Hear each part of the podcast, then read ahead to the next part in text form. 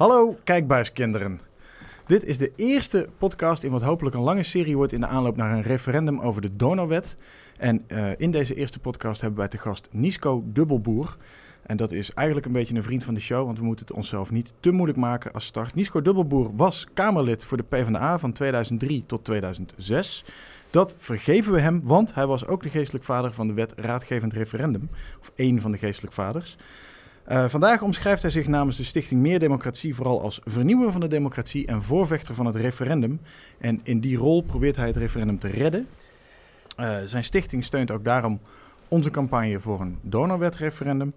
Uh, en met hem willen we het vandaag kort hebben over de totstandkoming van de referendumwet, over het rommelige Oekraïne-referendum, over het inhoudelijk wat beter verlopen sleepwetreferendum uh, en over hoe het instrument ondertussen alweer ten grave wordt gedragen. Uh, of zijn er toch nog overlevingskansen voor de directe democratie? Altijd. Ja, welkom Nisco. Dank je. Ehm, ja, Bart zei het net al. Uh, jij bent de geestelijke vader van de, wetgevend, uh, de wet raadgevend referendum. Ja. Hoe is de wet tot stand gekomen? Kun je daar wat meer over vertellen? Oh ja, dan even toch wel weer uh, aardig wat in de tijd teruggaan. Uh, als, je het echt, als je het echt even heel goed wilt zeggen, uh, dan moeten we eigenlijk wel teruggaan naar een paar moties die er zijn geweest in de geschiedenis. Uh, vanaf ongeveer 1970, 1973 was het geloof ik, dat de PPR Tweede Kamerlid Erik Jurgens een motie indiende waarin hij zei van er moet een referendum komen. En uh, toen ik in de Kamer kwam, toen speelde de hele Europese grondwet discussie. Uh, achteraf hebben ze daar vreselijk spijt van dat ze dat grondwet hebben genoemd. Want uh, dat maakt het, gaf het zoveel gewicht en zoveel status. Dat het eigenlijk helemaal niet zo ongelooflijk ingewikkeld was voor ons als Kamerleden toen. Vanuit GroenLinks, PvdA en D66. Boris van der Ham, Farah Karimi was het toen nog en ikzelf. om steun te krijgen, ook bij de VVD uiteindelijk, via Josias van Aartsen. Uh, ook ere wie ere toekomt. Um, dat, uh, dat men zei van ja, dit is zo'n belangrijk onderwerp en het raakt aan onze spelregels in ons eigen land, de democratische spelregels. Daar, dat kun je zien als een soort van grondwetswijziging. Hoe heeft Thorbecke een grondwetswijziging bedoeld? Je moet eigenlijk na een verkiezing, als je of een grondwetwijziging hebt aangenomen, moet je een verkiezing organiseren. Sorry. Moet je uh, het parlement ontbinden. Moet je terug naar je, naar je volk. En dat eigenlijk dat onderwerp van die grondwetswijziging voorleggen. Kortom, eigenlijk een soort van referendum wat Thorbecke bij grondwetswijzigingen uh, regelde. en met die redenering kregen we ook de VVD mee. En ook wel in het besef dat men dacht van ja pro-Europa. Uh, dus de Nederlanders, dat komt wel goed. En dit is, dit is, dit is ook goed. Om, en nou ja, nogmaals, ook wel omdat men ook wel pro-referendum was. Maar dat was in 2005 was het een, een, een raadplegend referendum. Hè? Ja, en, van boven. Van bovenop. Ons als parlement uh, werd vanuit, vanuit, juist, vanuit ja. het parlement werd er gevraagd aan het volk van... Nou, wat vinden jullie nou van de, van, van de grondwet, de Europese grondwet? En waarvan jij zegt, achteraf hadden ze spijt van dat ze de grondwet noemden. Ja. Uh, en dat was vanuit bovenop uh, gelegd. Maar de, de en wet... Achteraf hadden ze ook heel veel spijt van. Ja, dat ze een referendum over... ja, en, en nou goed, dat was... Ja, dat, dat, dat wordt ook als voorbeeld genomen natuurlijk. Ja. Dat, dat, hè, de, de arrogantie van de elite wordt dat ook wel gezegd van... ja, we hebben tegen die grondwet gestemd... en uiteindelijk hebben ze een paar lettertypes veranderd... een paar commas uh, verzet... en uiteindelijk is het toch er doorheen... Uh, ja, ja. Ah, jullie, jullie, gaan met grote slagen snel thuis. Uh, dat, dat, dat snap ik en zo ken ik jullie ook. maar ik ga toch af en toe maar, in het gesprek wat nuance aan. Ja, want, want jou, de arrogante elite vind ik bijvoorbeeld al veel te gemakkelijk. Okay. Het, het, is veel complexer.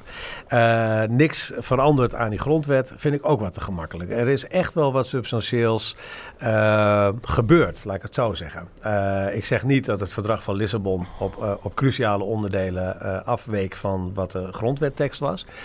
Maar A, was er echt wel paniek.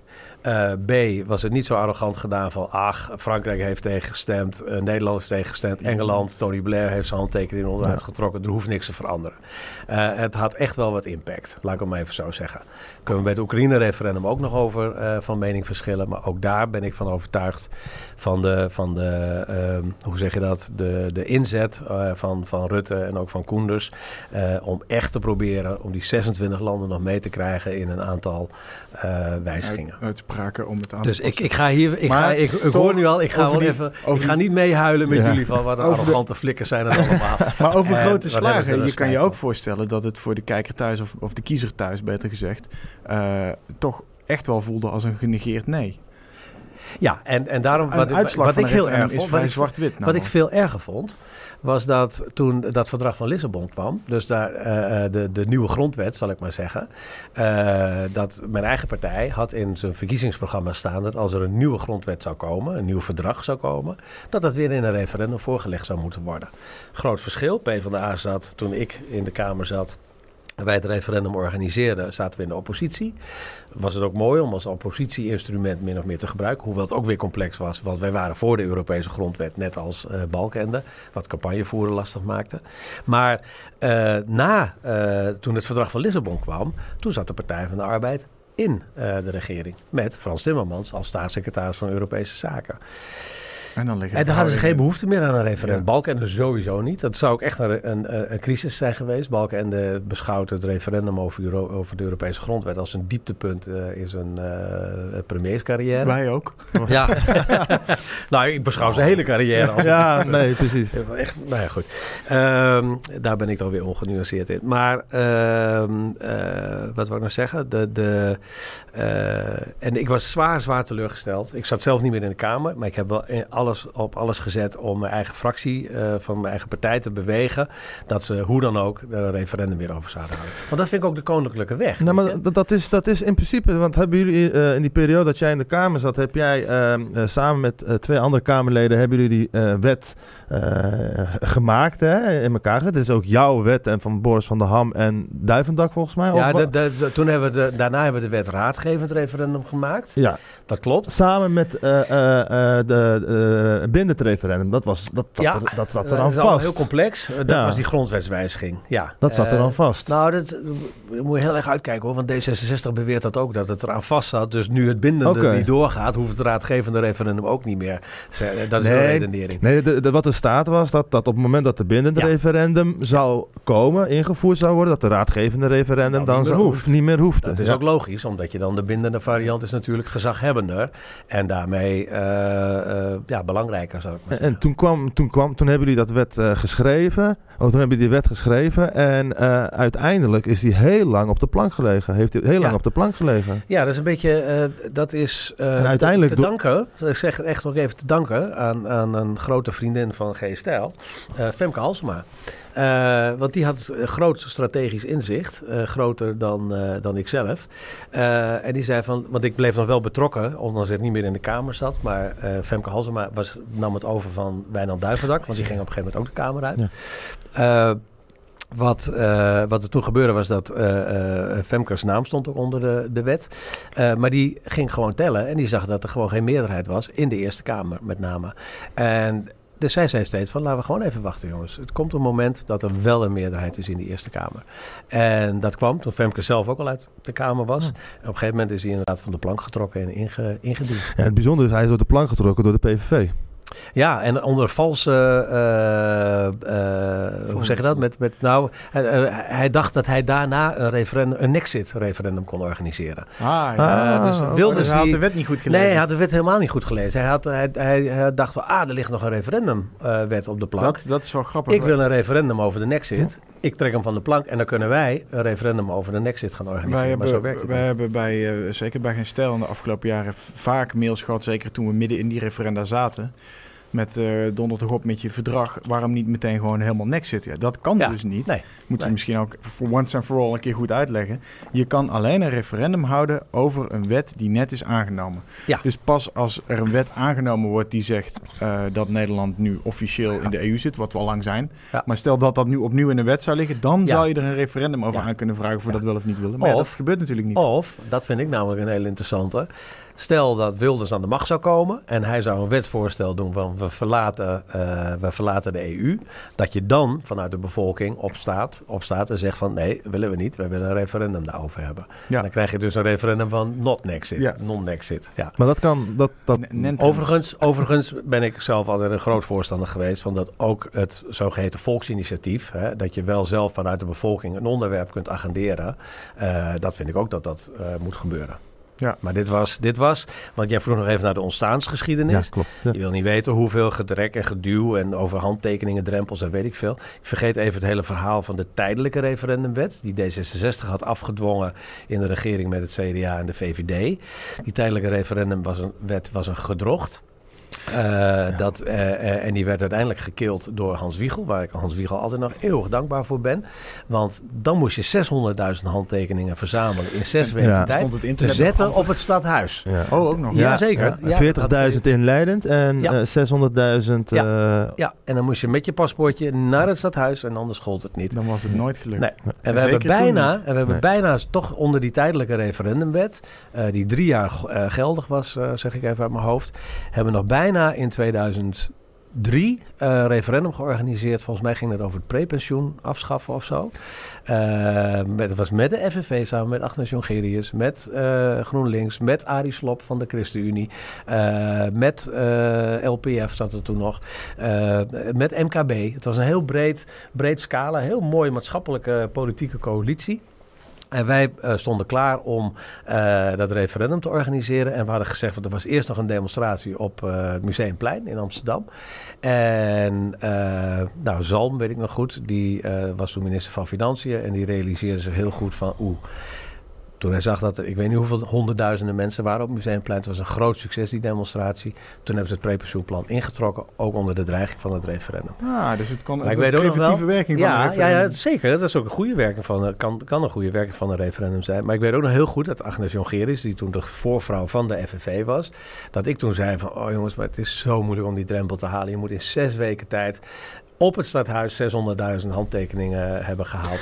En toen ja. zei ze, en toen zei ze, dat zal ik nooit vergeten ah joh, de helft hebben we al binnen met de ambtenaren die op al die stadhuizen werken. Die werken, ja. ja, ja. ja, zeker. Ambtenaren en hun pensioen, dan, ja. die, die komen wel. Ja, het, het, het, waren ook natuurlijk hele andere tijden. Hè. Ik bedoel, het was in principe, uh, internet was er wel, hè, maar het was nog niet echt helemaal nee, ingeburgerd. Nee, zeker uh, en, en het is zeg maar ook, uh, als je kijkt naar de moderne vorm van actievoeren, gebeurt meer online dan vroeger op straat met, dat je op de zeepkist staat en echt actie voert. Dat is wel een dingetje nu, denk ik. Ook wel als, kijk daar komen we nog over te spreken. Maar eh, als het ons lukt om het raadgevend referendum te redden, dan denk ik wel dat, het, dat er een discussie zal zijn, dat die evaluatie er zal komen van, van de wet en hoe die werkt. En dan zal zeker zeg maar de online cultuur waarin we nu zitten ja. uh, betrokken worden. En, en dat je moet zeggen van oké, okay, die, die moet, die, moet, moet, die drempel hoger of moeten we toch naar een ander soort uitkomst? Ja, daar, komen we, daar komen we wel straks over te bespreken. Ja, van, want we, uh, kregen, we kregen eerst, sorry dat ik je ja, wel, hij had een hele goede vraag in zijn hoofd. ja. Ongetwijfeld, maar we moeten ook een beetje ja. op de tijd letten. Want wij kunnen hier waarschijnlijk eh, tot diep in de nacht over doorlullen als we zouden willen. Maar dat vindt technisch worden. Niet iedereen leuk, denk ik. We moeten met leuke anecdotes dus moeten we het waarderen. En een leuke anekdote. We zitten midden in het gevecht, hè? Ja, dat vind ik echt wel prachtig, hoor. En, en eh, de donorwet, referendum. Ja, het proces, is, ja, het proces, daar gaan we ook straks ook komen nog over te spreken. Maar het, het, proces verloopt. Maar een leuke, een leuke referendumanekdote was dan toch wel het Oekraïne-referendum. Want toen, Oeh, toen ja. werd die wet ingevoerd, juli 2015. Kijk Bart, Bart, je moet wel even realiseren. Uh, ik heb veel vrienden. Hè? En die, uh, ik heb echt veel vrienden. Sowieso heb ik veel vrienden. Ik ben, ik ben een aardige jongen. Uh, maar in progressief linkse kring, dat wou ik erbij zeggen. En ehm, er zijn velen, zijn, zijn echt wel heel boos op, op, op jullie. Hè? Op geen pijl, op geen stijl. En dat heeft er toch mee te maken dat het, dat het belletje trekgedrag en de manier waarop het Oekraïne-referendum is aangegeven aangegrepen uh, om het eerste referendum te organiseren, dat dat een hele ongelukkige start is geweest van, je, je van, van het referendum. een vraag voor mijn neus weg. Oké. Okay. ja. Ik wilde jou namelijk inderdaad in alle eerlijkheid vragen of je het ons ooit kwalijk genomen hebt dat dat referendum op nee. die manier is gegaan. Nee, dat heb ik, dat heb ik niet. Uh, en ik zou je ook zeggen waarom. Uh, omdat ten eerste 300.000 mensen voor een referendum hebben getekend. Bijna een half miljoen zelfs. ja, bijna een half miljoen toen. Ja, vier, ruim, ja 450. We hadden 400, ruim 470.000 digitaal, ja. waar er na steekproef ja. 429. En waaronder, en waaronder ik zelf ook. Uh, dus het is ook te gemakkelijk om, te om al die mensen zeg maar, onder de kant te scheren van dus belletje trekken en weet ik veel.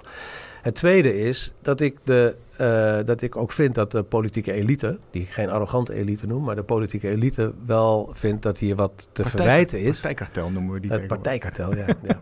Uh, ja Nisco noemt dat uh, bestuurs democratie. Bestuurdersdemocratie. Ja, bestuurdersdemocratie. Een heel net woord voor partijkartel. Veel te, veel te net uh, woord eigenlijk, ja. ja. Maar uh, wat ik wilde zeggen is dat, uh, hoe heet het, de, de, de nee, dan ben ik echt even Oekraïne-referendum. Ja, nee. Maar die zei, je de, elite, de politieke elite. Oh ja, die aan zichzelf te wijten heeft. Op twee manieren. Eén, uh, waar we net over hadden, Europese grondwet. Uh, niet weer opnieuw een referendum toestaan over dat verdrag van Lissabon. Uh, ja, daarmee kreeg je veel mensen die anti-Europa bleven. En die angel ging er niet uit, zal ik maar zeggen. Dus die, die, die bleef leggen, lekker liggen etteren, om even in die beeldvorming te schetsen. en twee, dat weten niet veel mensen, maar ik heb het wel een keer tegen jullie verteld toen met Jan Dijkgraaf nog.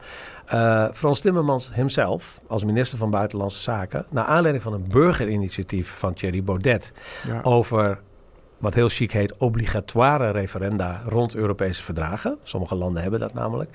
Uh, dat namelijk dat betekent dat je verplicht een referendum moet houden als je een Europees verdrag ondertekent als land. Uh, nou, daar wilde de meerderheid van het parlement absoluut niet aan. Het was een burgerinitiatief. Hij had 40.000 handtekeningen opgehaald om het op de agenda te krijgen. Stond toen in de Kamer dat verhaal uit? Hij stond dat verhaal te houden in de Kamer. En Timmermans stond daar en zei: Maar beste meneer Baudet, ik begrijp niet zo goed waarom u zich hier zo druk voor overmaakt. Want er komt straks een wet op het raadgevende referendum. En het eerste, de beste verdrag dat langskomt uh, over Europa, kunt u dan vanuit de bevolking een referendum over en dat, aanvragen. Dat was precies waarom toen wij begonnen in 2015 uh, met dat Oekraïne-referendum-initiatief, Thierry al heel snel door onze deur kwam stormen en riep: Mag ik meedoen? Ja. En wij dachten destijds, ja, tuurlijk mag je meedoen. Want hij, stond, hij had inderdaad met dat initiatief daar gestaan. We Klopt. wisten dat hij iets met het referendum wilde. Ook dat hij Ja. iets met de EU wilde. Ja. En wij dachten, ja, hij is al vrij bekend. Hij heeft een eh, interessant adresboekje. Hij gaat ons ongetwijfeld de goede kant op helpen. Dus we hebben hem... En het is ook gewoon een hele aardige jongen trouwens. Laat ik daar ook geen misverstand over bestaan. Eh, inderdaad binnengelaten om ons te helpen. Een maar aardige jongen die soms onaardige dingen zegt, maar daar, Ja. daar ja, maar kunnen dus jullie ook- daar kennen we er meer van. ja. Ja. Maar, maar wat ik dan toch in my defense zou willen zeggen, of in onze verdediging. eh, kijk, ik ben de eerste om toe te geven, zeker met de kennis van nu, zeker nu we ook een, een, een, een keurig sleepwetreferendum hebben gezien, dat dat Oekraïne-referendum een, een beetje een zootje was, rommelig werd gespeeld en veel op de man ging en veel te weinig op het onderwerp. Ja. En dat kwam in de eerste plaats omdat het onderwerp associatieverdrag gewoon heel lastig was. Ik, ik noem het echt geen slecht onderwerp, want we weten nu meer over zo'n verdrag en over hoe die verdragen tot stand komen. En over de verhoudingen tussen ons land en Oekraïne en Brussel en Moskou en Ja. zelfs Washington. Dus het is wel leerzaam geweest. Alleen het was wel een moeilijk onderwerp wat niet makkelijk te vatten was in een, een concreet referendumdebat. Eh, maar ook had ik nooit verwacht en nooit aanzien komen dat er zoveel tegendruk zou komen. Dat wij zoveel chagrijn en kwaad bloed zouden zetten met een initiatief wat in mijn ogen toch echt een keurige toepassing van de wet en de mogelijkheden Ja. was. Die wij netjes gespeeld hebben, volgens de regels, keurig aan de handtekeningen eisen voldaan. Op een eerlijke manier geworven, nergens vals gespeeld. En gewoon binnen alle kaders van de wet op een eerlijke manier een referendum hebben afgedwongen. Ja. En onderweg daar naartoe, en zeker toen het eenmaal was afgedwongen, ja, echt heel veel chagrijn gekregen van heel veel verschillende mensen. Die heel veel boze columns en stukjes hebben geschreven over wat wij voor Poetin-vriendjes waren, die de Ja. agenda van Rusland aan het uitvoeren waren. En dat we alleen maar spaken in wielen wilden steken. Ja. Terwijl het oorspronkelijke plan is en blijft, en is helaas nooit eh, helemaal werkelijkheid geworden.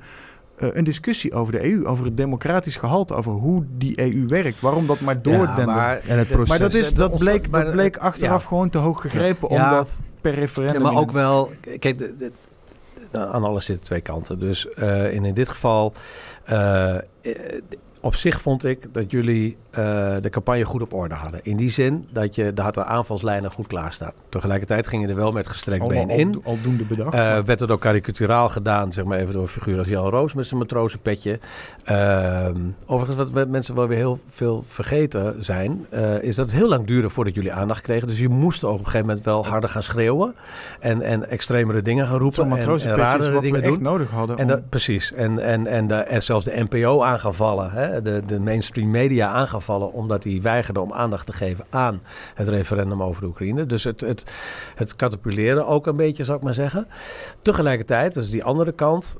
Heb ik grote kritiek. Dat had ik al bij de Europese grondwet. Uh, maar grote kritiek weer op hoe campagne gevoerd werd door de voorstanders van het Oekraïne-referendum. Voornamelijk Ergo, verdachtmakingen van de organisaties. Ja, nou nee, maar gewoon, maar gewoon geen één lijn trekken. En, en geen duidelijk verhaal hebben. Ik bedoel, een verhaal waarin je aan de ene kant zegt van jongens, we hebben het over. Oekraïne is een land met een economie die zo groot is als de provincie Noord-Holland. Dus het werd, komt heel erg lang gebagatelliseerd. En op het moment dat echt het referendum er kwam, opeens zeggen van dit is voer voor Poetin. Uh, hiermee wordt de Koude Oorlog aangewakkerd. en werd het opeens zo ontzettend belangrijk gemaakt dat de Derde Wereldoorlog er wel eens het geval was. Mijn, grootste, mijn grootste teleurstelling was tijdens het Oekraïne-referendum dat partijen als Partij van de Arbeid zich afzijdig hielden, niet meededen met, de, met de campagne. De VVD had alleen maar hand en broeken die af en toe eens opkwam daven bij, bij een debat. D66. vanuit een toch wat arrogante houding. Ja, het was alleen Kees Verhoeven die echt vol vuur in die... Kees Verhoeven die een Kees, hè? Ja, toen, toen wel. Ja, Wees een Kees. Maar, en en dat, dat, dat, was heerlijk, want dan had je echt een debat. En, uh, en, en, jammer genoeg, de rest van de partijen, uh, die hadden geen lijn. De SP, die voerde wel als partij uh, campagne. Ja. en, en dat vond ik wel jammer, want uiteindelijk, ja, wees, een, een politicus moet mij overtuigen waarom ja. iets goed of slecht is. Waarom ik er voor of tegen moet zijn. Maar er zit een laag onder en dat raakt aan zeg maar, het fenomeen referendum als zeg maar, een vorm van directe democratie versus de representatieve democratie wat zijn eigen spelregels heeft. En waar zeg maar, de, de partijconcurrentie belangrijker is dan gezamenlijk optrekken rond het winnen van een referendum. En dat heb ik al heel erg sterk gezien toen bij de Europese grondwet. Maar ik zag het nog sterker bij het Oekraïne-referendum. maar even terug naar de Europese grondwet, wat ik net al zei. PvdA zat in de oppositie. Wouter Bos uh, was uh, groot voorstander van. Uh, wij waren een grote oppositiepartij, 42 zetels. Ja. Uh, kom er maar eens om tegenwoordig. Ja. Uh, dat, je, ja, dat je, dat je. Uh, Mijn hart huilt. Nee, maar dus, dus je, je, wat je deed en wat je zei had ook echt wel power, zelfs als oppositiepartij. het, maar het lastige is dat het referendum meteen werd getrokken in een van hé, hey, maar wij zitten in de oppositie. En VVD en CDA, die in de coalitie zitten, zijn ook voor dat, voor dat referendum. Dus wij gaan ons heel erg we gaan een beetje duiken. We gaan ons niet echt heel erg hard, best belangrijk, weet je nog? Dat was, dat was een beetje de, de, de, de houding. Nou ja, en dat is de algehele les daarvan, vind ik, dat je moet leren omgaan met referendum. Ik heb bij de Oekraïne-referendum, bij mijn eigen club wel gezegd. Ik, ik, bedoel, ik was dat toen niet meer. Ik ben nog directeur geweest van de Partij van de Arbeid na mijn Kamerlidmaatschap. Uh, dus ik zou zeker verantwoordelijk zijn geweest voor de campagne uh, voor het referendum uh, rond Oekraïne. Maar ik heb in de lijnen die ik nog wel had, wel gezegd tegen Hans Spekman bijvoorbeeld. Ga nou gewoon met Alexander Pechtold praten. Ga om de tafel zitten. Ga met alle partijen die voor het Oekraïne-verdrag zijn. En stel één campagneleider aan. Die gewoon, of twee van mijn part. Maar die in elk geval wel één lijn trekken in hoe je hierin gaat optreden. En maal even niet om het feit dat de ene partij in de oppositie zit en de andere partij in de coalitie zit. je hebt even een wedstrijd te winnen. Het, je hebt een wedstrijd te winnen. Als je tenminste dat uh, verdrag met de Oekraïne heel erg belangrijk vindt. Nou, en, en, en dat vonden ze, want uh, de, de, de bloed, zweet en tranen dat het daarna gekost heeft voor, voor Rutte en Koenens om door Europa te gaan en, en toch te proberen dat inlegvelletje voor elkaar te krijgen. Ja, goed, je, je begint te lachen, maar dat is, dat, dat heeft, dat is, dat is niet over één nacht ijs gegaan. Nee. Daar hebben ze nee, heel veel tijd gekost. En ook echt... Nederland was EU-voorzitter op dat moment. Ja, dat was hoe, hoe beschamend, hoe pijnlijk is dat eigenlijk? Dat je dan terug moet en zeggen: Oh jongens, ja, we hebben het volk uh, geraadlegd. Geen wonder dat de politieke elite hè, eh, zeg maar, die de macht af en toe heeft in die bestuurdersdemocratie, van het referendum af wil. Want het is verdomd lastig. Tenzij, zoals Jeroen Dijsselbloem altijd zegt, ere uh, aan uh, Jeroen Dijsselbloem, ehm, een referendum moet je leren te winnen. En dat is het enige, de enige opdracht die wij hier hebben als politiek. Uh, dat het referendum hoort er gewoon bij, maar we moeten hem wel leren en, winnen. En dat is precies ook waarom een referendum een belangrijk middel is. Omdat uh, politici op die manier dus altijd in het achterhoofd moeten houden dat wat ze ook besluiten, dat ze dat ook op zo'n manier moeten kunnen verkopen dat, een dat het een eventueel referendum doorstaat. Kan overleven. Ja, ja. ja dat is de kracht van een goed referendum. En dat, dat brengt ons dus ook vervolgens meteen bij uh, ronde 2 van het burger, uh, door burgers afgedwongen referendum. Het sleepwet of het WIF-referendum over de inlichtingenwet van, nou het is maar net een dikke maand geleden. Ja. Uh, daar zag je al een totale omkering, omdat ten eerste de organisatie volstrekt onbekend was. Waren een aantal UvA-studenten die zich ja, super. Ja, op de achtergrond gehouden hebben. En mede dankzij de steun van Amnesty en vooral die leuke push die uh, Arjen Lubach er in Zondag op Lubach aan gaf. die drempel niet heel ruim, maar wel ruim genoeg overschreden om een referendum af te dwingen. Uh, en vervolgens werd er ook heel duidelijk aangegeven, het ging eh, over een nationaal onderwerp, dus niet over iets Europees. Niet, niet iets waar 27 handtekeningen onder staan, maar alleen die van exact.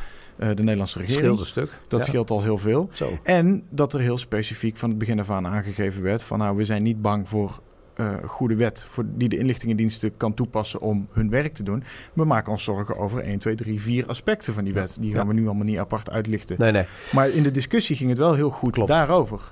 Maar dat het, het van dat referendum was, was dat het eigenlijk al in het licht van de afschaffing van het raadgevend referendum ja. werd gevoerd. Hoe heb je daar dan naar gekeken? Nou, ten eerste was ik ontzettend blij met, uh, met het initiatief van uh, de sleepwet. Anders zou, zou het Oekraïne-referendum steeds maar als, als het voorbeeld van, uh, van, van de mislukking van het referendum zijn beschouwd, zou ik maar zeggen in de kringen hè, die, die Als je doen. Je, progressief linkse uh, nou, in elk geval moet je het elke keer weer opnieuw dan uitleggen. Dan zit je veel meer in defensief. En iedereen kon nu zien dat het ook anders kon. En uh, inderdaad, uh, vanwege de context die je ook schetst.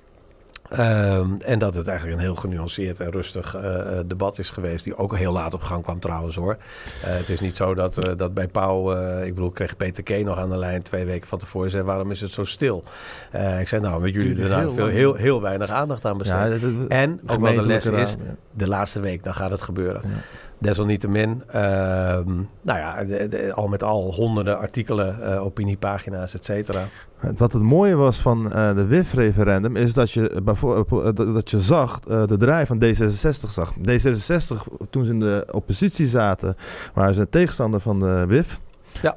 En, um, en toen ze opeens in de coalitie kwamen, waren ze voorstander. Hè, nou, Kees Verhoeven weer, die zei van ja, we hebben één, twee dingen hebben wij kunnen regelen. Dat hebben we ingevoerd. Ja. Uh, dat was gewoon een lucht, dat had geen betekenis. Nee, niks. nou, een kleine anekdote. Er is helemaal niemand opgevallen, maar dat Ronald Plasterk op een gegeven moment een tweetje maakte. Ja. Hebben jullie het wel opgevallen? Ja, is wel opgevallen? Ja. Dus hebben, dat, dat was al afgedwongen in de Eerste Kamer. Dat, dat was al afgedwongen, ja, klopt. En, en, en, en precies. En Kees Verhoeven... hij verkocht die, het als, als een onderdeel van het regeerakkoord. Een bijzin in het regeerakkoord. en wat mooi was van uh, um, bij de WIF-referendum zag je dus... Uh, want jij benoemt dat ook, een, een referendum is uh, de tegenmacht van de macht. Ja. Um, want uh, de draai van D66 is tegenstander, of, tegenstander de, en nu in de coalitie, dus we zijn opeens voorstanders. We houden de rij gesloten, hè, dus de fractiediscipline, de hele fractie gaat ja. voorstemmen voor die wet. We gaan hem invoeren. Uh, dat heel hebben we afgesproken. Een heel ander groot probleem heb je daar trouwens bij de fractiediscipline. Ja, dat, ja. maar goed. Dat uh, omdat we in de tijd leven van fractiedisciplines en dus ook geen dualisme is en ook geen um, uh, last kan je ook al uithalen. Hè? Want mensen zitten zonder last, wordt er gezegd. ja, ruggespraak, de ruggespraak, ruggespraak is, er, is er al uit. Is er al uit en maar, last zit er nog in. Maar ja, als je kijkt naar de, als je kijkt naar de fractiediscipline heb je gewoon echt een hele grote last op je rug. Dan, hè? En, um, ja. en bij, bij het referendum, dat vanuit het uh, volk wordt geïnitieerd, uh, organiseer je een tegenmacht uh, tegen de machthebbers. En um, daarbij zeg maar, want de oppositie heeft totaal geen macht als je de fractiediscipline toepast. Je moet dealen en wielen en dan, maar goed, het is ja. Ja, het, het, het, even als principe. Nee, maar we, we zien het nou, als principe, maar we zien het nu ook bij, dan gaan we straks nog over de afschaffing van, van het, van het raadgevend referendum, is dat een partij als rijen gesloten zijn, maak je ja, geen kans meer. Totaal nee. niet. Geen enkel argument uh, uh, gaat erin. Terwijl je zou zeggen, als D66 in de oppositie had gezeten, dan had ze een hele andere idee gehad over ja. uh, het afschaffen. Wat, wat, wat ik zelf altijd. ja, ja nee, mijn vraag, mijn vraag ik wil naar mijn vraag toe, hè, is van op het moment dat je dus. Um, uh, bij de WIF zag je dat dus heel goed, hè? dus die tegenmacht van een referendum. Wat doet dat, zeg maar, uh, uh, hoe moet dat straks georganiseerd worden? De tegenmacht van de machthebbers. Want als dat niet meer kan met... met, met als het referendum is afgeschaft. Als het referendum straks... Oh, daar wil ik helemaal niet over praten. dat referendum, dat gaat helemaal niet afgeschaft worden. Ja. Nee. Ja, maar, ik, nee, en als het... nee. Ik, nee, maar wat zijn de alternatieven? Weiger, ik blokkeer gewoon even. Nou, nou oké. Dat blok, dat, dat, ik, ga, ik, ga, ik, ga, ik kreeg een uitnodiging van het ministerie van ja? Binnenlandse Zaken. Sorry, ik kreeg een uitnodiging van het ministerie van Binnenlandse Zaken. Daar praat ik natuurlijk af en toe mee. De, de, de verschillende projecten uh, ook gedaan. En uh, die wil praten over de, de, de, de right to challenge. Uh, want er staat nu het regeerakkoord. Hè, en dat, dat wordt dan gezien op lokaal niveau. Als Mag je dan als alternatief. Nou ja, op lokaal niveau moet alles gebeuren zo'n beetje. Hè. Dat, nou, en ik heb gezegd, jongens, ik ga dat niet doen. Ik, jullie schaffen het referendum af. Jullie schaffen de wet af. Of jullie hebben de wet ingetrokken al die op de plank lag. Om gemeenten meer experimenteerruimte te geven. Juist op het gebied van maatschappelijke initiatiefnemers. Hè, dus mensen die gewoon in hun buurt wat willen veranderen. Die meer ruimte te geven. Die hebben ze ook nog eens een keer uh, even gekild. Heeft wat minder aandacht gekregen. Maar is wel gewoon gebeurd. On, on uh, nee hoor, ik, ik, ik, uh, ik ga daar nu... De, de, ik, van, ik, laat, laat het enige wat ik erover kan zeggen is dat een van de professoren van de, hoe noemen jullie die zeven samurai? Of zeven samurai. Ja, ja samurai. een van die zeven samurai professoren in de Eerste Kamer, die zei ook helemaal terecht: er is geen ander instrument dan het referendum wat zo. Uh, goed dat principe van macht en tegenmacht bedient. Uh, ja, een verkiezing natuurlijk. Maar in de Nederlandse bestuurdersdemocratie is zelfs een verkiezing totaal ongewis. Want dan krijg je dit soort verschijnselen als dat uh, uh, op basis van de verkiezingen en de beloftes in de verkiezingsprogramma's zijn 90 van de 150 zetels voor, voor het referendum. referendum ja. Voor het referendum. Ja. Zijn 90 van de zetels tegen de WIF. en wat zie je nou? Bam, door coalitieakkoorden. Dat snap ik allemaal wel. Ik weet hoe het spel gespeeld wordt. Maar daarom is het goed dat je correctiemechanisme Maar het is inderdaad op die Tweede correctie, sorry dat ik nog even doorga, een kleine college. Tweede correctiemechanisme die super belangrijk is. Boris van der Ham die uh, zegt, die is eigenlijk helemaal niet zo grote vriend uh, van het referendum. Die, die vindt het, hè, dus, uh, als de parlementaire democratie goed zou functioneren, zou een referendum niet nodig hoeven te zijn. Ja, nou, die, heb, die, heb, je wel meer die dat zeggen. Ja. Wat is een van de grootste, grootste, allergrootste problemen? Is inderdaad die coalitiedwang. Dus dat je gaat afspreken van we gaan iets heel anders doen dan wat we in ons verkiezingsprogramma hebben gezegd. en vervolgens de, gevolgde fractiediscipline. En een senaat die aan de leiband moet lopen van die coalitie, want anders ontstaan er problemen. Dat systeem is eigenlijk, ga ik toch even ongenuanceerd zeggen, maar is eigenlijk verrot is, is onderhevig aan houtrot, vermomd, uh, werkt niet meer. Je ziet het nu vandaag ook weer met de andersom gezien, vandaag, maar, geperfectioneerd. Ge, ge? Geperfectioneerd vanuit ja. machtshebbers ja. Uh, positie gezien. Ja. Ja. Ze hebben de perfecte manier gevonden om, onder, om in, die, in die ijzeren greep van de coalitie, die waar ze zichzelf in, in vastzetten, toch altijd hun zin te krijgen, omdat ze daar ook uh, de minions in ge... Maar het is niet perfect. Want hoeveel nee. zweet, bloed en tranen kost het wel niet om dat systeem, dat wankele systeem, ja, overeind te overeind houden. Te houden ja. en, en zie nu wat er gebeurd is dan. Want voor, hè, op het moment dat we zitten te praten, is het debat al afgelopen over de, de dividendbelastingmemo's. Maar dan zie je hoe wrakkig het systeem is en dat het niet werkt. En, en dat komt ook omdat zeg maar die verbinding met de kiezers uh, eigenlijk te veel uh, is losgeknipt. Ja. En daarvoor heb je dus een referendum nodig om die, die politici die, die scherp te houden. Die dividendbelasting zou ook een top referendumonderwerp kunnen zijn, omdat uh, het, door niemand, het stond bij niemand in zijn verkiezingsprogramma. Nee. Het ligt wel ineens op tafel. Ja. Het moet natuurlijk een wet worden, die, in, die ja. intrekking daarvan. Ja, dat, Dan zou het volk alsnog kunnen zeggen, nou ja, het stond niet in jullie programma, maar we willen er best alsnog wel even wat over zeggen. Maar volgens mij is het een...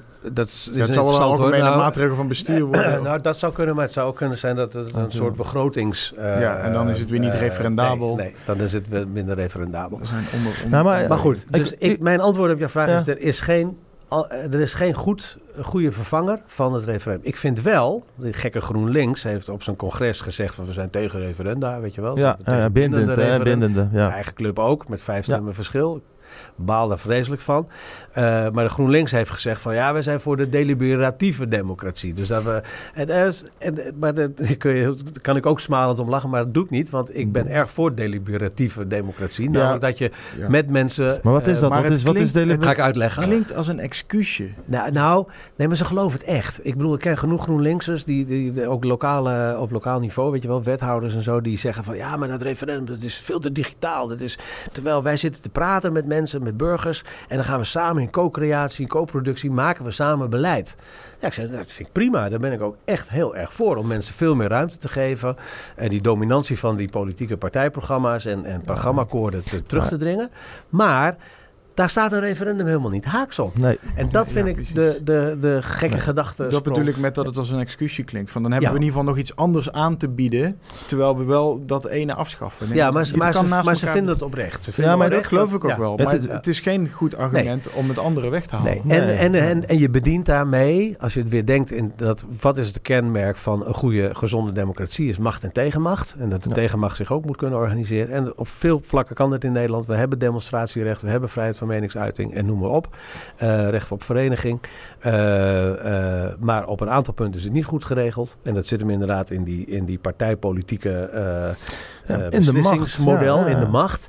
En, dan, en dan heb je zo'n middel als, als referendum nodig. Heel- je, je hoort ook heel vaak het argument van ehm, eh, ja, referendum, of de angst van referendum gaat het representatieve democratie vervangen. Maar dat, dat, dat, dat is niet zo. Hè? Het, het, het, het, is aanvulling, het is eh, juist een hulpmiddel voor eh, Ja. de, gekozen toe volksvertegenwoordigers. Het, het is af en toe lastig.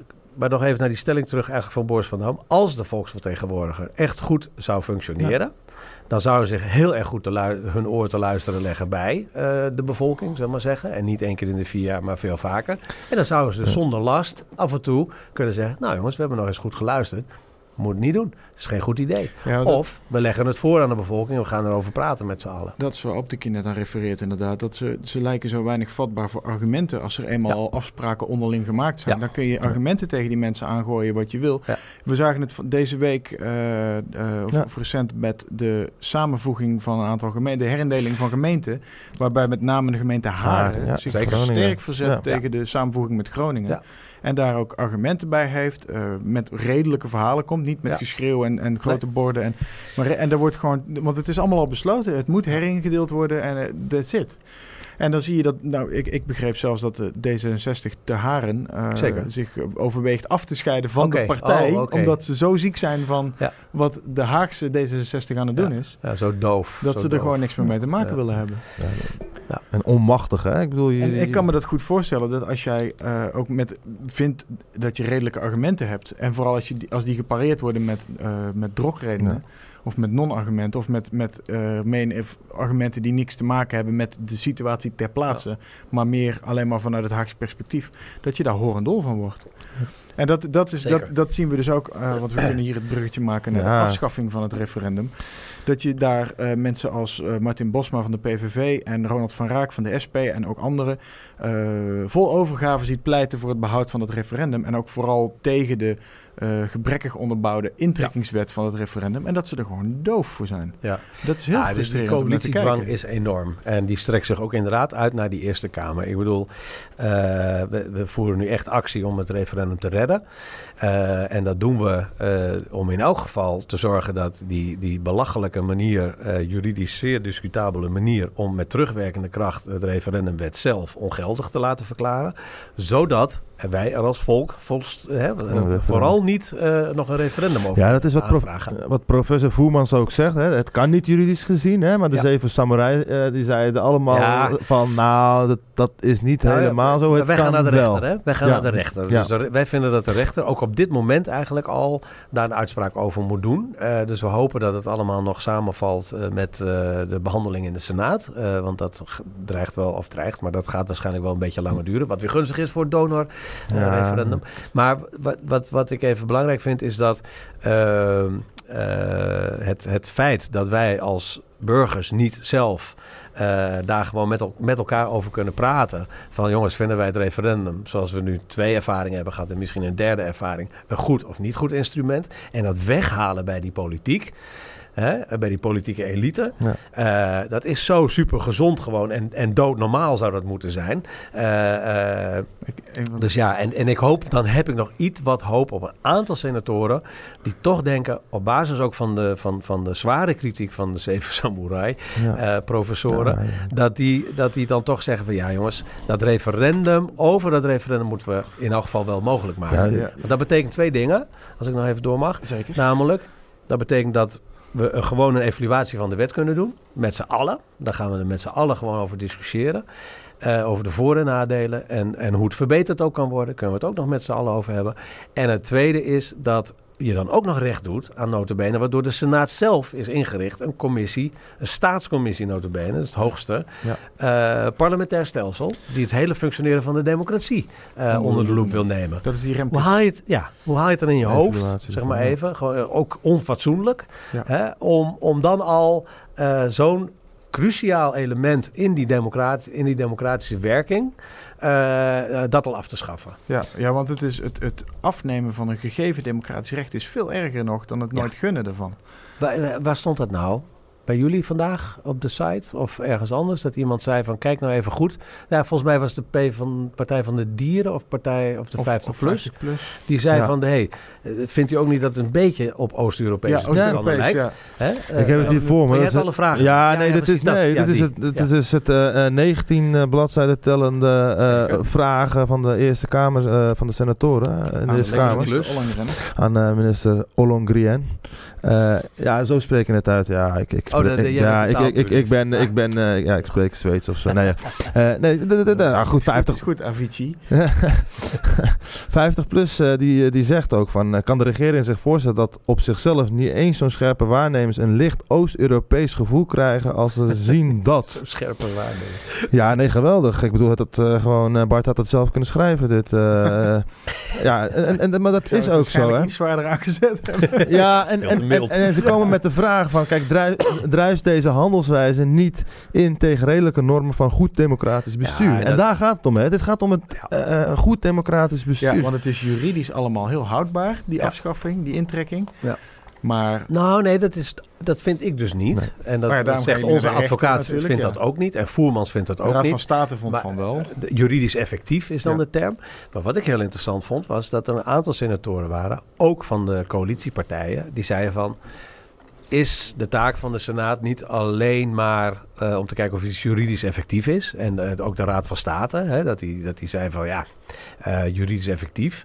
maar is de taak niet breder om gewoon ook te kijken wat het doet met het vertrouwen van de bevolking in behoorlijk bestuur. Hè? En, en de, de code die Binnenlandse Zaken notabene zelf heeft opgesteld ja, van behoorlijk bestuur. Maar met Sini van de Partij van de Arbeid zei dat tijdens de, ja. het uh, hoorzitting van, met die zeven samurai hè, ja. over het behoorlijk bestuur of goed bestuur. Mijn teleurstelling, wat ik vind, is, is, is Tom de Graaf. De Tom de Graaf van D66, die notabene, de nacht van Wiegel, moest hij aftreden omdat het referendum niet in de Eerste Kamer En nu hoor je hem niet, je ziet hem niet.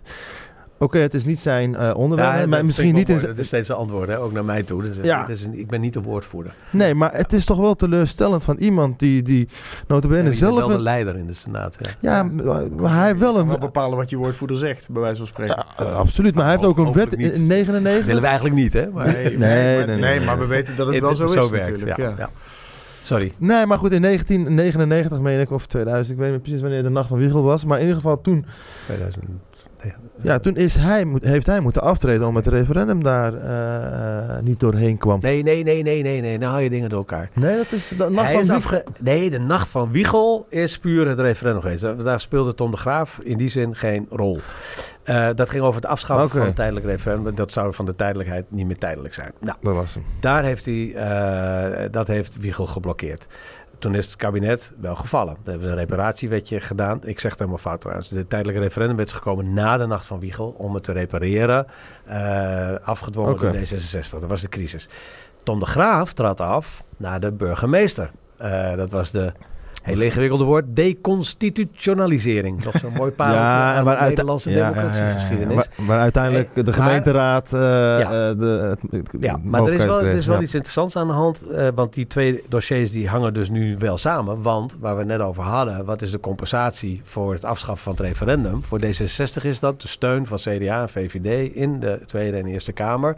voor die deconstitutionalisering. Dus voor het uit de grondwet halen van de kroonbenoeming. De vorige keer ging het mis. Uh, wel steun van de PvdA-fractie in de Tweede Kamer. Ik was toen zelf woordvoerder daarvoor.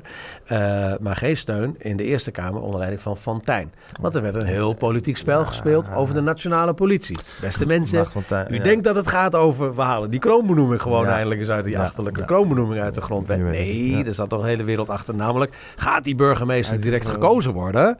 Wat D66 graag wilde. En eigenlijk ook al een wetsvoorstel in de maak klaar hadden liggen... om hem direct door de bevolking te laten kiezen...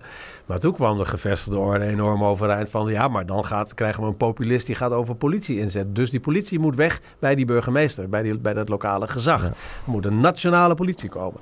Dat is allemaal de achtergrond. Want VVD waren- wilde ze- dat al ze veel waren bang langer. voor militiegemeentes in de Achterhoek of zo. I don't know, whatever. Ja, Ja, ja, ja. ja. En, Dat de veldwachter zich ineens een hele grote broek al aan gaat Ja. met... eh, ja, ja, omdat hij de steun had van de burgemeester. Ja, ja, nou goed. Dat, dat, dat je- dat- Maar- maar Tom, even- even terug naar Tom de Graaf. Ik verbaas me ook wel over Tom. Ik, ik ken hem redelijk goed. Ik, ik mag hem ook echt oprecht heel erg graag. Maar hij is bitter, chagrijnig. Ehm, kijkt op een manier naar de materie waarvan ik denk van... joh, eh, jammer, hè, op even mild gezegd, wat jammer. ja. Eh, hij heeft op het congres van D66 eh, gezegd dat wie denkt dat het referendum behoorde tot de kroonjuwelen van D66, die, die kent zijn geschiedenis niet. Nou, dat, dat is zo pertinent. Ehm, eh, eh, Selectief. Nou, selectief, ja, dankjewel. Want ik wil aardig blijven. Eh, selectief, dat, dat, dat zeg maar vanaf, vanaf 86 of vanaf 89 heeft het altijd voorop in de verkiezingsprogramma's gestaan. Klopt, Van Mierlo, de eeuwige twijfelaar, was dan eens een keer weer voor. Ik bedoel, het zijn mooie spotjes waarin hij zegt... en daarom hebben we een referendum nodig. Ja. En dan was hij weer aarzelend en tegen. Eh, eh, de- Tom de Graaf zelf. Eh, nou ja, luister. De, beide wetten, alle drie de wetten over het referendum... zijn gedragen en gepassioneerd verdedigd door D66. Dan is het toch wel heel raar als je nu op een congres gaat zeggen... van ja, wie denkt dat het referendum hoort bij de geschiedenis van D66? Eh, ja, doei. ja. Nou, dus daar ben ik wel teleurgesteld over. Ehm, valt mij eh, vaak op trouwens dat als je partijen aanspreekt op waar ze zelf voor zeggen te staan, dat ze daar heel vaak gepikeerd op reageren. Van, Ja, maar het is gevoelig. hiermee? Daar ga je ja, maar natuurlijk. Ja, maar het is, het, is, het is natuurlijk gevoelig. En ik snap ook wel dat je in een coalitie iets moet opgeven. Maar als je hoort hoe dit opgegeven is, het is bijna ge- geagendeerd door Pechtold zelf. En dan komen we wel weer even terug bij jullie vermalendijde Oekraïne-referendum. Dat heeft veel te, veel te maken met hoe jullie Pechtold eh, Het te maakt het een beetje genomen. persoonlijk inderdaad. Ja, en, dat, en dat, het, het, het vergt een grote persoonlijkheid om daarboven te kunnen staan. Die heeft hij niet. Dat vrees ik van niet, nee. Want anders zou je toch wel een beetje meer doordenken van... hé hey jongens, oké, en zeker na zo'n sleepwetreferendum... eh, oké, eh, en ook, kijk ook naar het Ja, buitenland. weet je. maar hoe vergis je eh, ook niet dat het sleepwetreferendum, wat Alpie net al zei, ook pijnlijk was voor D66. Omdat ze Ja. in de Kamer fel tegenstander waren. Twintig amendementen die bijna Ja. allemaal zijn weggestemd. Ja. Om vervolgens in de coalitie te zeggen, ik ben voor. En dan ook campagne voor die wetten gaan Ja. voeren. En, ja, en, en dan ook weer te verliezen. Omdat Ja. het volk zegt, nee sorry, ja, wij willen ja. dit ja, niet. want ook de meerderheid van hun eigen achterban eh, van D66, hè, de kiezers. Ja. Ja. dat was ook toen pijnlijk voor de PvdA bij het, bij het Europa-referendum. dus dat, dat wisten we ook wel, dat dat heel gevoelig lag. Maar goed, maar ja, dat houdt je als politiek scherp. Ja. Dus daar je moet je blij mee zijn, denk ik dan. En nu krijgen we eh, parallel aan die intrekking. eh, de Senaat is op dit moment met reces. Eh, de handtekeningenjacht voor de 300.000 handtekeningen voor een donorreferendum begint, als het goed is, op 4 mei. Vanaf 4 mei. En ook daar speelt D66 weer een cruciale rol natuurlijk. Maar in plaats, nou, als het, dus het, het, het het- initiatief is van Pia Dijkstra. Ja. van Oh, zo, ja. D66, Dus Ja, Ja, voor de donorwet. Ja, Ja, ja. ja, ja. eh, en, maar je kan... eh, ironisch eigenlijk. eh, wat mij vooral opvalt Ja. toen wij begonnen met dit initiatief... is de enorme positieve reacties van eigenlijk bijna iedereen. Dat ook, ik Ja. heb ontzettend veel voorstanders van deze wet gehoord... die zeggen, ja, ik vind een referendum over dit onderwerp wel een goed idee. Ja. Ik zat notabene zelf bij Jeroen Pauw aan tafel, eh bloednerveus en zeer onverwacht. Maar tegenover een vrouw zonder handen, die op donorhanden wachtte. Ja. En ik was, zij was eigenlijk het grootste gevaar aan die tafel. Dat als zij gevraagd, aan haar gevraagd werd, wat vind jij ervan? Dat, ja, dat ze zou dat zij dan zeggen, hallo. Ja, ik En zit ja, te wachten. probeer daar maar. ik Dan nog kun je nog zo'n redelijk verhaal hebben. Daar win je niet van. Van iemand die op twee handen zit te wachten. En ik, ik hoop dat die vrouw heel snel wat vindt. Of dat ze heel snel iets voor die vrouw vindt. Ja, Maar- het hing er ook niet helemaal maar vanaf. eh, het werd aan haar gevraagd en zij zei: Ja, ik, ik wil natuurlijk graag dat zoveel mogelijk donoren zijn. Maar ik vind het wel belangrijk dat mensen zelf ervoor Ja. kiezen om dat te Ja. zijn. Ik- Maar, maar Bart, Dat- wat, wat, volgens mij heb je dat zelf ook al aangegeven. En doen jullie dat ook zeg maar, bij die handtekeningen zetten? Ja. Ik denk dat een, maatschappelijke, een brede maatschappelijke discussie over de donorwet zal leiden tot meer eh, actieve Ja. donorregistratie. Ja, registraties, Dat- daar gaat het uiteindelijk om. dat hè. was- En uiteindelijk gaat het Ja, het ook gaat om die een van die registratie. zeven samurai heel Ja. duidelijk zei: van er is geen beter middel denkbaar om een nationaal debat zo groot mogelijk Ja, te maken waar. dan door er een referendum Ja, over te en houden. dat, dat, dat, kijk, het, het rare is, eh, bij de Europese grondwet in 2005 vriend en vijand. Hè. De, de avond van de referendumuitslag, Maxime Verhagen, grote tegenstander van het referendum, die stond daar en zei: Ik moet wel zeggen, hè, hij gaat hem niet nadoen, maar met zijn Limburgs accent, dat moest, hij stond echt, zei, ik moet wel zeggen, wat een debat is het geweest. Ik heb nog nooit zoveel gediscussieerd over Europa. En wauw, en wat een goed debat is het ook geweest. En ergens is vrij snel een kanteling gekomen, of een kentering gekomen in het beeld. Namelijk dat het toch eh, Balkenende pesten was, het, eh, tegen het kabinet Balkenende. is heel snel geframed in die hoek van, ja, het ging helemaal niet over Europa. Nou, beste mensen, onzin. En later heeft onderzoek dat ook wel uitgewezen. Dat, dat hebben we met het Oekraïne ook gehad. Ook gemerkt dat mensen al heel snel eh, per se wilden dat het per se iets anti-EU was. En ik kan uiteraard ook niet ontkennen dat een, een, een deel of misschien wel een groot deel van de achterban van het referendum ook zeer eurosceptisch of eurokritisch is. En de tegenstemmers dan, hè? Maar uh, het, het, het, het god toch echt niet zo dat, het, dat het alleen maar mensen waren die van de EU af willen. Ik bedoel, de, uh, Alpie hier als vrijwilliger. Uh, ja, waarom ben jij zo, zo voor het referendum? Ja, ik ben, ik ben mijn reden waarom ik voor het referendum is, is, is de kloof die er bestaat tussen de politici en het volk. Okay. het is, het is, kijk, een referendum is een middel uiteindelijk om te kunnen participeren in de politieke besluitvorming. We, kunnen, we gaan één keer per vier jaar gaan we naar een stembus. Dan geven we een stem hè, aan een partij aan de hand van een partijprogramma. Aan een, aan een persoontje op die lijst. Eigenlijk, het is een, het is een, het is een, een, een lijstenstelsel, maar je stemt op een persoon uiteindelijk. Nou goed, uh, uh, het, het, is een personenstelsel, lijstenstelsel gecombineerd. Um, maar je stemt uiteindelijk vanuit een partijprogramma op een partij. En, um, uh, en dan gaan ze regeren of dan gaan ze parlement in. En uh, er blijft bijna niks meer over van de, de reden waarvoor ik mijn stem heb gegeven aan een bepaalde partij of aan een persoon. Omdat als ze gaan regeren een coalitie gevormd moet worden en uh, allerlei dingen naar boven komen waar ik uh, geen weet van had. Bijvoorbeeld ja. met, met het Oekraïne-referendum. Ik wist niks over het Oekraïne-referendum. Of over het associatieverdrag met Oekraïne. Want het stond ook niet in de partijprogramma's van de politieke partijen. Of ze daar voor of tegenstander van waren. Nee. Het was er op een gegeven moment. Uh, hetzelfde geldt nu ook. Uh, ja, Donowet is wat anders. Maar hetzelfde geldt ook voor de afschaffing van uh, de referendum, hè, de wet. Uh, ze willen het gaan afschaffen. Nou, het, geen enkel partijprogramma stond dat zij uh, dat de, de WRR wilde afschaffen. Sterker nog, ook bij D66 stond nog dat ze niet na één poging al meteen de handdoek in de ring wilden werpen, zoals andere partijen. Ja, ja. En van het instrument af zouden willen doen. Ja. ja, dat stond zelfs met een sneer in ja, hun partijprogramma. Ja, Ik vind dat je dan uh, uiteindelijk, op het moment dat er uh, beslissingen genomen moeten worden, wat gewoon gevolgen heeft uh, over, langdurige gevolgen heeft voor de bevolking, dat je daar uh, uh, het advies uh, of de raad van de bevolking mag vragen. Ehm, bijvoorbeeld, een mooi voorbeeld is van um, de euro. De euro is gewoon ingevoerd. er is niet aan ons gevraagd of we de euro wilden. Stond niet toen hadden we wel met een hele groep uh, intellectuelen in Nederland uh, een grote advertentie in, uh, in, in de Trouw volgens mij, want dat was nog net betaalbaar. ik dacht iets ja. van 200 opinieleiders en actievelingen ja. met verzoek om een referendum te houden. Nou ja, goed, dat was een prachtig onderwerp. Ja, maar dat is een prachtig onderwerp was dat om een referendum over te houden. En ik denk waarschijnlijk dat er wel een voor zou uitkomen, vast of tegen whatever. Maar je had het dan wel de bevolking erbij betrokken betrokken. En uiteindelijk zou je daar ook niet meer een discussie over hebben. Want nu, we zijn, wat is het, bijna twintig jaar later, hebben we nog steeds discussie over de euro. Hè? Over de euro, de euro, de euro.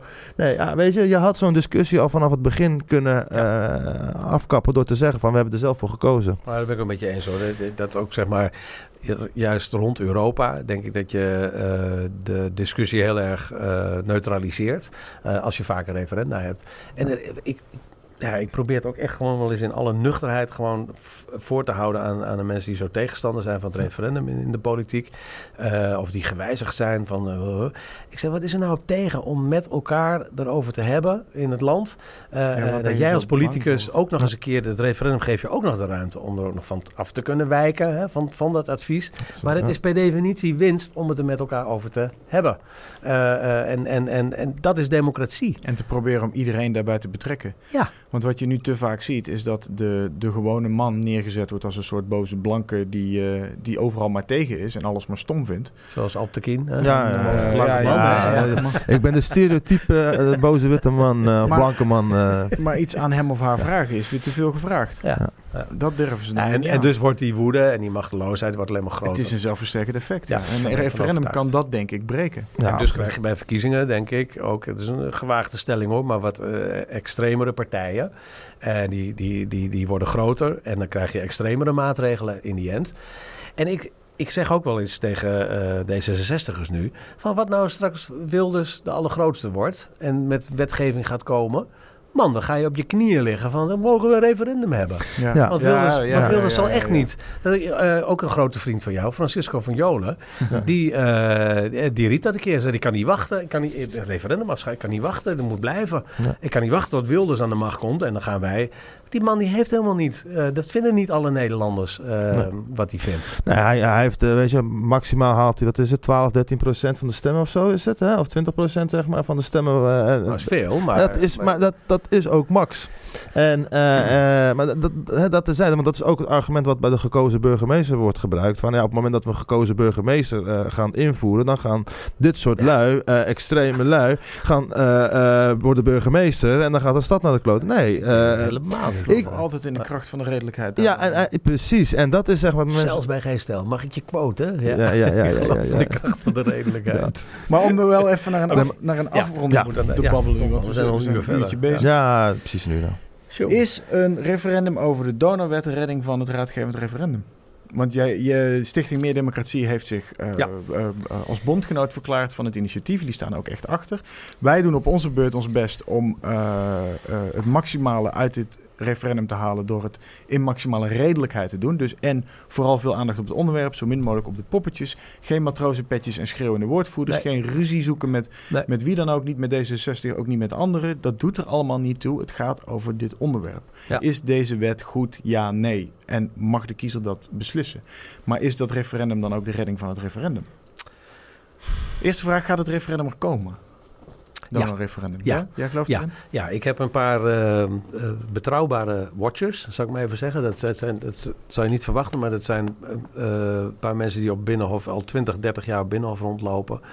En die zeggen, ja, dat kan de coalitie niet maken om zeg maar, op de valreep... Zeker als eh, er, er na drie, vier weken al duidelijk is dat, dat zeg maar die 300.000 al gehaald is, dat die drempel gehaald wordt, eh, om het dan toch af te schaffen. Dan, dan, dan, dan ben je wel zo arrogant. Hè? Dan ben, dan is, dat is de toppunt van de arrogantie van de macht. En technocratisch ook nog, want dan zeg je, ja, omdat de kiesraad pas een week na eh, dat wij hebben eh, besloten Ja. om het af te schaffen en in Ja. werking met terugwerkende kracht mensen, want oh ja, stel je eens voor dat het nog langer duurt, eh, eh, dat de kiesraad dan pas komt. Een puur technische reden hè, waarom dat zo is, omdat het zo in de wet staat, Ja. de werking van de wet, eh, gaan wij, eh, gaan wij eh, dat nu niet meer toestaan.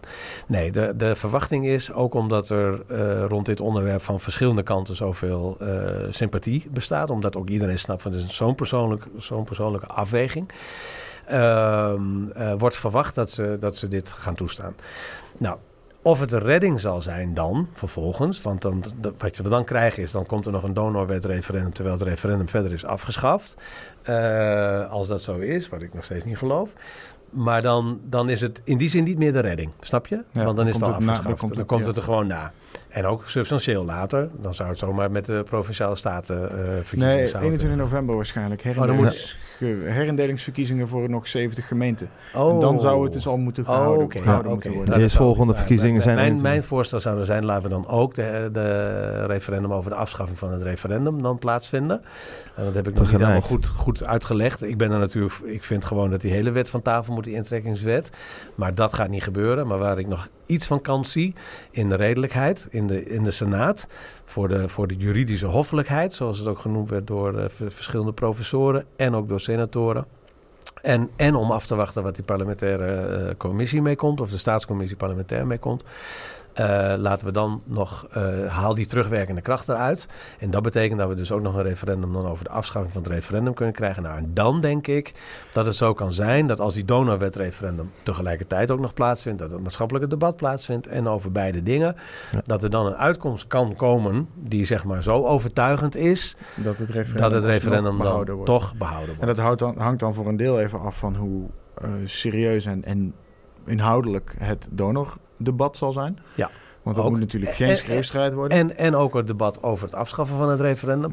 Maar dat, dat, dat men ziet dat het er veel radicaler standpunt is om het referendum af te schaffen dan om het te behouden. En dat je daarmee veel meer aan de volkswil tegemoet komt. Zoals nu ook al blijkt uit de parlementaire meerderheid die er eigenlijk is voor het referendum, voor het raadgevend referendum, maar dan, dan, dan anders. toch een kritische slotvraag. Denk je dat er genoeg animo zal zijn? Wij hebben vorig jaar met geen pijl meegedaan aan de Tweede Kamerverkiezingen. Ja. Zonder standpunten, maar Ja. met een technisch plan. Een referendum over een referendum is op kleinere schaal eigenlijk hetzelfde. Is een technisch, Ja. je, je moet een technische stap zetten Ja. om, om, om Ja, later een inhoudelijk ja, ding te kunnen doen. Denk je dat er genoeg animo zal zijn? Ja. Dus meer dan 300.000 handtekeningen voor een referendum over het referendum? Ja, dat denk ik. Ja? Ja, daar ben ik van overtuigd. En zeker gezien ook de felheid ook wel waarmee mensen reageren op het afschaffen van het referendum. Dat komt voor een deel door de felheid van de arrogantie van de, Ja, en de haast van de af, die de afschaffers hebben. ja, maar die blijft er dan het, ook nog. het is kracht Eh, tegen kracht. Ja. ja. En, ik, en ik zal de eerste zijn als de meerderheid van het Nederlandse volk zegt van nou, we willen toch van het referendum af, want we vinden het toch niet zo'n fijn eh, ding. Want ze grijpen allemaal weer terug naar het Oekraïne-referendum. Eh, dan, dan zal ik de eerste zijn om te zeggen van nou, dat is de meerderheid van het volk. Dus dan zit het er niet in. Ja. Maar goed, ik ben ervan overtuigd dat de meerderheid van het volk eh, wel eh, Ja, dat denk ik een referendum wil. ook. En, en, en dan vind ik trouwens ook, eh, heel belangrijk, ik vind ook echt wel dat we kritisch moeten kijken naar, naar de wet zelf, hè, zoals die nu is. Eh, ik, ben, ik bedoel, ik ben zelf fel tegen die opkomstdrempel. Ehm, Maar je zou wel van 300 naar 500.000 kunnen nou gaan, ja, gezien eh, het ge- online. gezien de digitale context. eh, een ander ding is dat, dat eh, ben ik helemaal niet voor. Maar ik snap best dat het een lastig ding is. Als je nadat je 27 Europese landen achter iets hebt gekregen. helemaal op het eind nog één, één landje hebt wat een collectief referendum Ja, uitzondering ja, Europese verdragen. nou ja, of, of dat je dat, of dat je op het moment dat je het anders regelt, dat op het moment dat er een Europese Voordat verdrag wij is- onze Ja, precies. Precies, Ja. precies, precies. Want andere landen hebben dat ook namelijk. eh, Klopt, en die gaan, zo, ja, en die gaan ook zo de onderhandelingen in. Ja. Maar volgens mij kunnen we echt hier uren over praten. Ik weet niet of jij nog eh, vragen hebt, eh, Bart. Ja, heel veel, maar ja, we nodigen goed, geen, geen, ja, goed, dan gaan wij straks eh, verder open. Dus ik mag ik jou eh, heel hartelijk bedanken voor jou, Ja, dat eh, mag dat je je, hier eh, aanwezig wilde zijn. Ik wens jou heel veel succes met je strijd voor het behoud van het referendum. Je zou Ja. ons aan je zijde hebben hierin, want wij vinden het ook heel belangrijk Ja. dat het eh, Nou, jullie hebben al eh, referendum eh, bestaat. Ja, Ja. zeker. En eh, nou goed, je, je hebt gezegd dat je een rechtszaak gaat beginnen, dus eh, Die loopt al. Die loopt al. Die loopt Eh, al. We, we wachten Ja. op het moment dat de rechtbank zegt... we hebben de, het verweer van de staat al binnengekregen. Maar daar mag ik nog niks over zeggen, dat je- moet voor de rechtbank. ook eh, hartstikke goed. Dan doen we Eh, netjes. Dankjewel. Eh dan ga ik hier, eh, hierbij afsluiten. Eh, voor jullie, jullie kunnen u aanmelden als eh, vrijwilliger. Eh, dat kan op actie.hartvoordemocratie.nl. Meld je daar aan als vrijwilliger. Eh, daar kan je aangeven wat voor soort vrijwilliger je wilt zijn. Wil je huis aan huis flyeren of wil je in een team eh, in je stad gaan canvassen? Geef het daaraan. En ehm, eh, doe mee met de campagne voor, in, in de race voor de 300.000 handtekeningen. Bedankt voor het kijken en tot de volgende keer.